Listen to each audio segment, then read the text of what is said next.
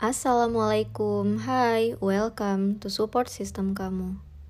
Oke, gimana kabar kamu hari ini? Semoga kamu selalu dalam keadaan sehat dan juga bahagia.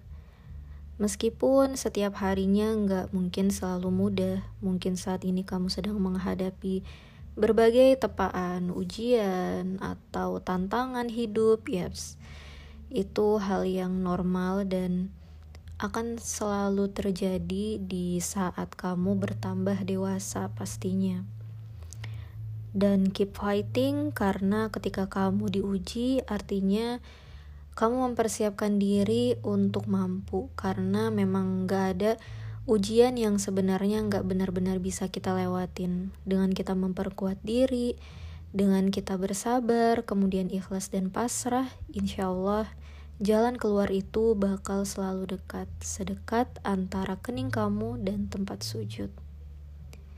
Amin. Oke, nah kali ini aku mau bahas tentang satu judul buku yang udah aku baca beberapa bulan yang lalu. Nah, jadi buku ini itu aku beli di salah satu toko buku. Sebenarnya aku nggak niat untuk beli buku yang ini gitu karena ada banyak judul buku yang menarik yang sebenarnya pengen banget aku baca, tapi ternyata buku ini tuh lebih menarik gitu.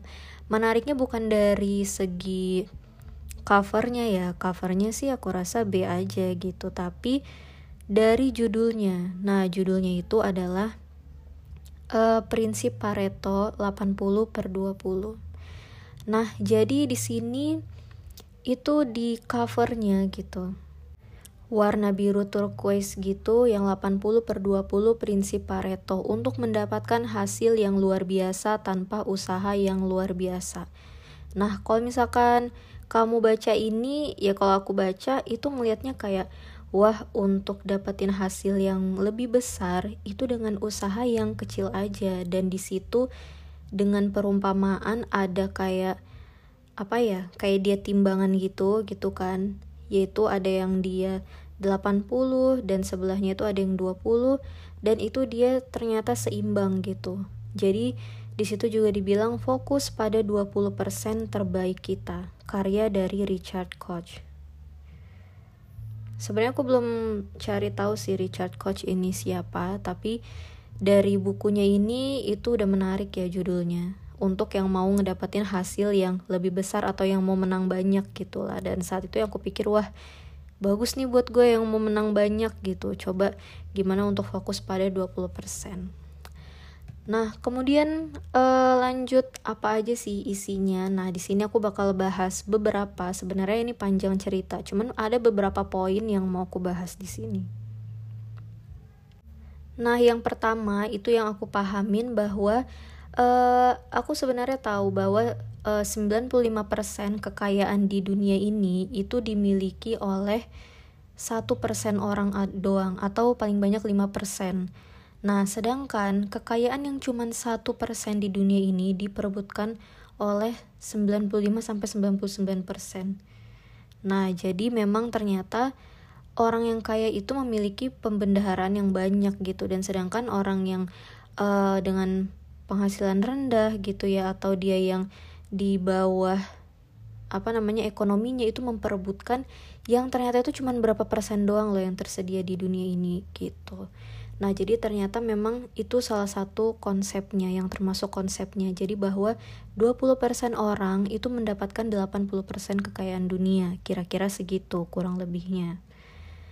Nah, kemudian uh, poin-poinnya apa lagi? Nah, di sini Aku coba share.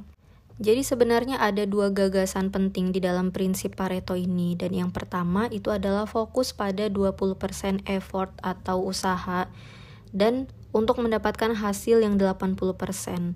Misalnya kayak pekerja atau karyawan itu ternyata kalau misalkan kita mikirnya semakin banyak orang maka kita bakal mendapatkan hasil yang semakin besar gitu kan tapi kenyataannya ternyata nggak begitu. Ada karyawan yang dia 20 orang aja itu bisa menghasilkan karya atau dia pekerjaan totalitas hasil yang dia empat kali lipat lebih besar daripada memperkerjakan 80 orang. Itu faktanya. Kemudian yang kedua, gagasan yang kedua adalah kita bisa menciptakan lebih banyak dengan waktu, energi, kecemasan yang lebih sedikit. Nah, seperti yang kita tahu ya bahwa biasanya dalam pikiran kita ketika kita mau mendapatkan banyak uang gitu, mau dapatin ekstra gaji, maka kita itu harus kerja lembur gitu. Otomatis kita bakal meluangkan waktu, energi dan juga stres yang itu lebih banyak gitu kan yang kita tahu gitu. Tapi ternyata prinsip Pareto ini beda. Jadi ternyata kita itu bisa loh untuk menciptakan lebih banyak kebahagiaan lebih banyak uang lebih banyak waktu luang gitu ya bersama keluarga. Jadi kan itu bikin kita happy gitu kan. Dan ternyata dengan energi yang less atau dia yang ringan dan kecemasannya yang juga nggak terlalu banyak gitu Nah, jadi tujuan dari prinsip Pareto ini itu adalah untuk mengurangi kerja keras dan kekhawatiran dan meningkatkan kebahagiaan serta hasil yang lebih baik dengan cara yang lebih mudah. Menarik banget kan? Lalu bagaimana untuk sebagian kita yang masih ragu tentang keyakinan kita sendiri yang saat ini masih memilih bekerja dengan lebih keras, lebih panjang untuk mendapatkan hasil yang lebih besar. Nah, kalau ternyata kita bisa pakai prinsip 80 para, apa Pareto 80 per 20 ini, ya kita nggak nggak perlu kayak buru-buru resign dari pekerjaan yang melelahkan buat kita gitu kan sebelum kita emang benar-benar memahami prinsip ini sampai kita itu bisa untuk mengaplikasikannya. Nah, poin yang pertama itu adalah switch your mindset. Jika selama ini kamu khawatir ketika kamu bertindak nih sesuatu bakal berhasil atau enggak ya gitu. Nah, jadi kalau misalkan kamu mau bertindak sesuatu, maka lakukanlah tanpa rasa khawatir. Nah, ketika kamu pun nggak melakukan apa-apa, kamu juga nggak perlu menambahkan rasa khawatir. So, bulatkan keyakinan dan pikirin aja hasilnya yang terbaik gitu. Karena sering kali hanya dari tindakan-tindakan kecil itu menghasilkan hasil yang luar biasa. Contoh kecilnya nih ya, uh, dari saya sendiri gitu. Saya membuat satu produk baru gitu, meskipun sebenarnya ini ada momentumnya satu waktu. Nah, kemudian momentumnya momentumnya ini udah lewat lah. Tapi terus saya garap dengan uh, keyakinan yang penuh oh ini pasti bakal works kok gitu bakal berhasil nih produk gitu. Walaupun emang launchingnya telat gitu tapi berusaha emang digarap kemudian juga tetap uh, memberikan pikiran yang penuh tetap ya harus memikirkan dengan penuh dengan keyakinan dan harus serius gitu. Tapi juga percaya gitu bahwa ini bakal berhasil. Jadi uh, tentang kekhawatiran itu benar-benar kayak disingkirin banget gitu ya. Jadi bergeraklah tanpa rasa khawatir. Atau kalau misalkan nggak melakukan apa-apa misal kayak kamu lagi stuck ya udah diem aja dulu cukup berpikir tanpa rasa khawatir. Nah kemudian melakukan tindakan kecil uh, dengan setiap konten kemudian menyiapkan alat-alat yang dibutuhkan dan berpikir bahwa ini pasti laku Nah, pembeda antara kamu dan mereka yang gagal adalah keyakinan. Dengan kamu yakin, semesta bakal memberikan vibrasi dan frekuensi antara produk atau jasa kamu dengan orang-orang yang membutuhkannya. Dan benar aja, sampai saat ini itu saya udah kewalahan untuk menerima pesanan. Dan ternyata keajaiban itu tuh datang, bahwa momentum itu kembali datang dan bahkan lebih dahsyat daripada momentum sebelumnya. Nah jadi ini saya benar-benar ngerasain bahwa emang nggak perlu untuk khawatir gitu. Jadi just do it gitu. Do kemudian believe in yourself. Poin yang kedua itu adalah fokus pada tindakan kecil yang bisa kamu lakukan. Kalau selama ini fokus kamu pada tindakan yang besar dan itu belum bisa kamu lakuin, misalnya kamu pengen bangun properti sendiri gitu dan itu kan butuh waktu, biaya, tenaga, dan lain-lain perencanaan yang panjang. Nah, cobalah kamu untuk menjadi dulu konsultan properti dengan menjualkan properti orang lain lebih dulu. Dan hasilnya itu kan bakal utuh. Nah, dengan kamu bermodal berpikir lebih keras gitu ya. Meskipun kamu melakukan dengan sedikit, tapi sediakan waktu luang, tanpa distraksi HP, orang lain, atau kebisingan, itu kamu berpikir lebih keras di waktu yang sedikit. Itu bisa menciptakan diferensiasi atau perbedaan. Kamu bisa melakukan tindakan yang unik yang nggak biasa dilakukan orang, dan ini yang banyak dilakukan oleh oleh para pengusaha baru gitu. Nah, contohnya aja itu seperti Gojek gitu ya. Mereka tuh nggak punya armada kendaraan dan nggak harus untuk mengurus personal ribuan tenaga kerja atau karyawannya gitu kan. Tapi dengan bermodal aplikasi dengan sistem yang canggih, yang mumpuni gitu kan, yang mereka pikirkan dengan matang, itu membuat terobosan hebat yang bahkan mereka itu bisa dapat penghasilan yang lebih banyak daripada uh, apa namanya perusahaan-perusahaan yang dia itu punya armada gitu kan dan punya memang karyawan yang tetap dan sebagainya. Dan ini dilakukan dengan sedikit tindakan gitu. Jadi fokus pada tindakan kecil yang kamu rasa itu menghasilkan. Nah jadi ketika kamu fokus di situ dan tindakan yang besar itu bukan diabaikan tapi kayak udahlah fokus sama yang ini dulu yang satu gitu ya. Nah dan itu walaupun dia tuh kecil effort kamu di situ kecil tapi yakinlah itu bakal berbuah lebih besar ketika kamu memberikan uh, pikiran yang lebih keras di situ. Jadi berpikir lebih keras tapi dengan usaha yang lebih kecil coba deh mulai sekarang coba uh, think what you can do Nah, kemudian poin selanjutnya adalah memulai kebiasaan positif yang belum pernah atau jarang kamu lakukan yang dia tuh manfaatnya luar biasa.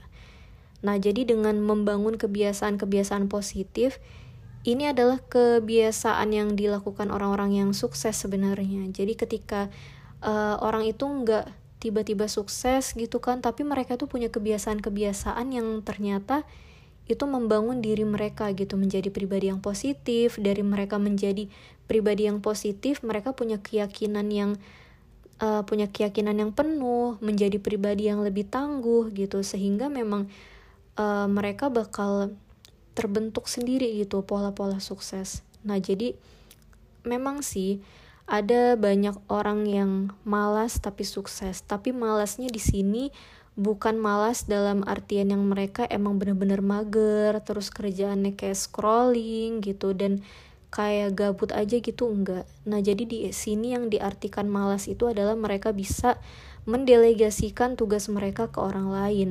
Tapi untuk pribadi mereka sendiri gitu, mereka pasti punya kebiasaan-kebiasaan yang membangun diri, seperti kebiasaan berolahraga gitu.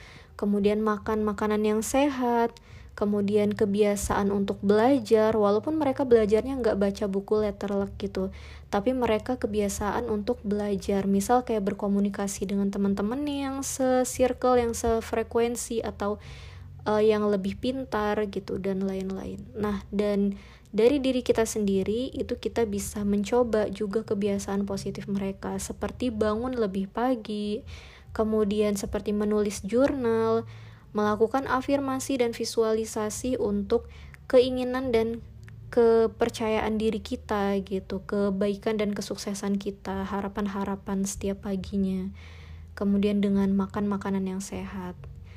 Nah, at least berolahraga setiap hari itu untuk meningkatkan kesehatan. Selain itu juga berolahraga kan dalam ilmu kesehatan bukan cuma bagus untuk tubuh kita, tapi juga untuk meningkatkan mood, perasaan yang lebih bahagia, dan juga pikiran yang lebih fokus. So, kita pasti bakal lebih banyak menemukan ide-ide yang cemerlang ketika kita dalam keadaan sehat.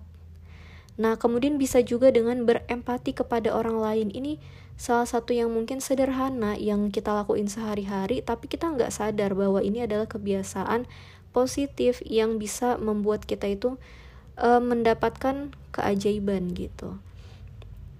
Nah, berempati pada orang lain selain make you happy, other to juga mengembangkan sifat-sifat positif. Nah, ini juga termasuk dalam beribadah ya. Memiliki spiritual yang lebih baik itu akan memenuhi diri kamu gitu, membuat diri kamu menjadi lebih fokus pada hal-hal yang penting bagi kamu. Nah, poin selanjutnya adalah tidak mengapa melambat sejenak.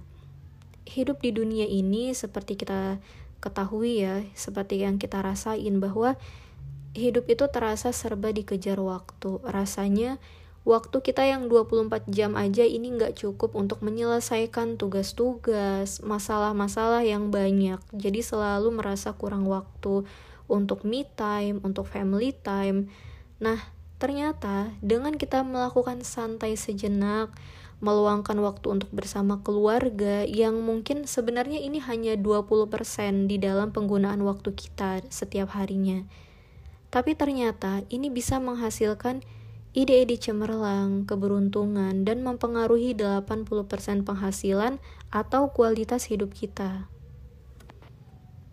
Nah, dan ini tuh terbukti banget itu terjadi pada bangsa Yunani kuno. Udah jadul banget ya contohnya. Tapi ini memang adalah bukti bahwa 20% waktu kita atau apa namanya? kualitas hidup kita, kualitas waktu kita yang sedikit itu sangat berpengaruh pada kehidupan kita gitu.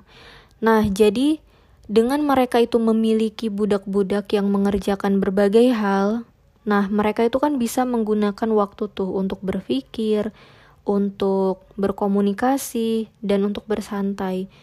Nah, hasilnya itu apa? Jadi, mereka bisa menciptakan peradaban yang besar, sains, dan literatur.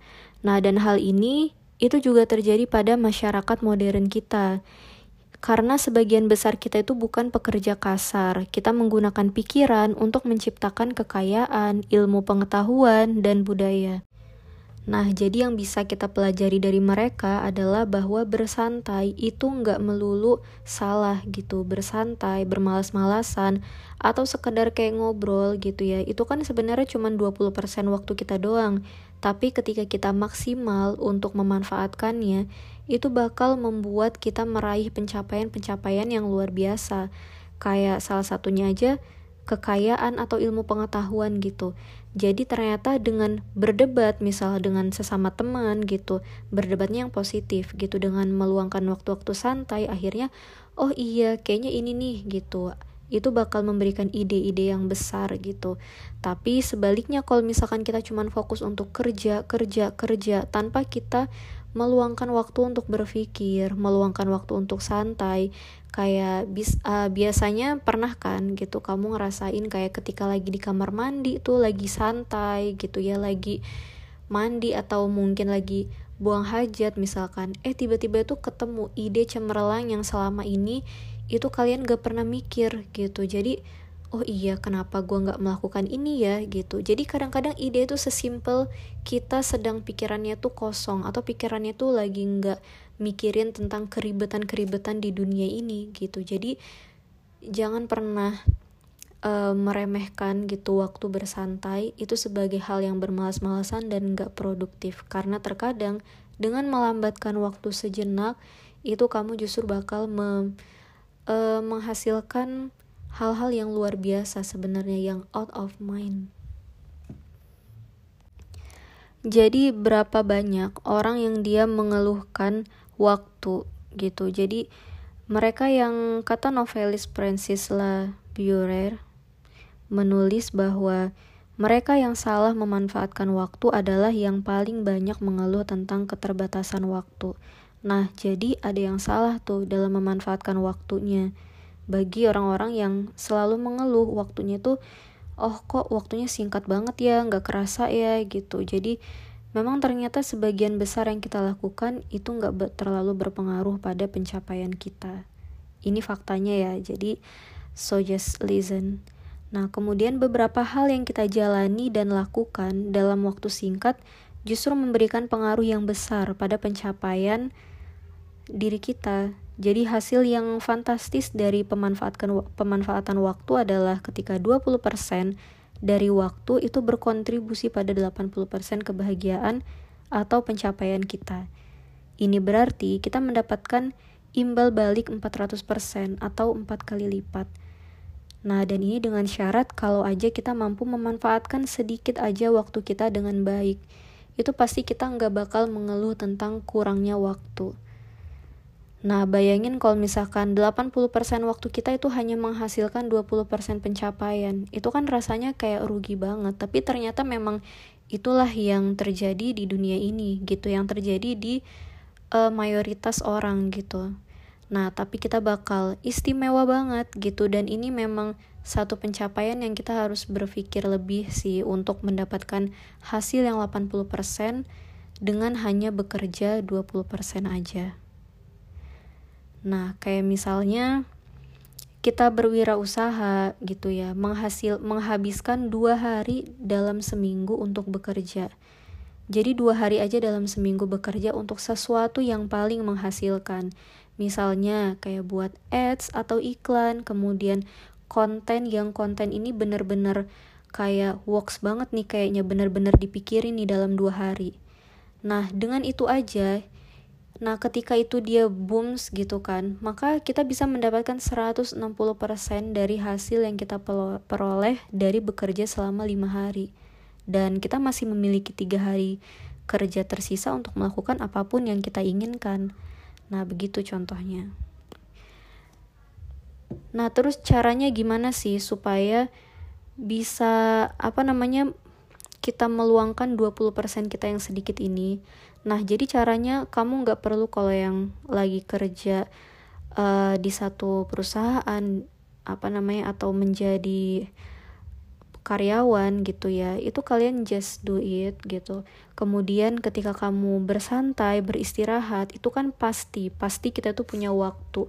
Entah waktu weekend entah waktu istirahat di malam hari nah kalian gunakan itu waktu itu bukan untuk scrolling sosial media bukan untuk update uh, atau mencari barang-barang untuk di check out gitu ketika lagi gajian. Nah coba deh kalian lebih ke berpikir hal-hal produktif apa yang bisa kalian lakukan gitu. Misalnya untuk menyambi satu usaha misal gitu atau untuk berkreasi. Nah dengan kalian memanfaatkan kreativitas-kreativitas kalian itu yang sebenarnya mungkin gak berhubungan sama pekerjaan kalian kalau misalkan kalian lakukan dengan continue kadang-kadang hal itu bakal mendapatkan pencapaian yang luar biasa lebih daripada pekerjaan utama yang kalian lakukan. Caranya gimana?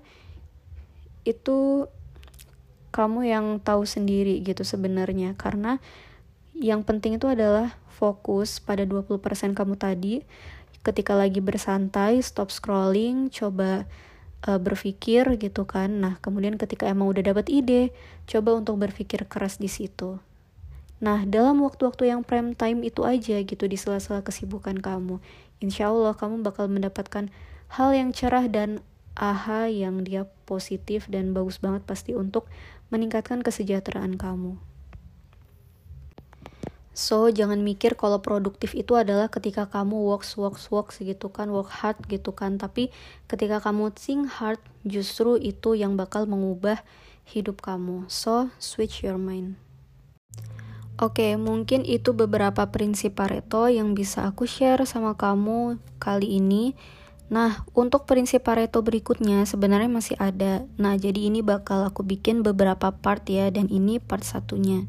Semoga ini bermanfaat untuk membuka pikiran kita atau kembali lagi, oh iya gue udah tahu nih, berarti saatnya untuk lakuin. Nah, ayo sama-sama kita lakuin dan kita buat perubahan dalam hidup kita dari tadinya kita menggunakan 80% waktu kita untuk hasil yang 20%, nah sekarang it's your time untuk bikin dari 20% kerja gitu untuk mendapatkan hasil 80% atau lebih.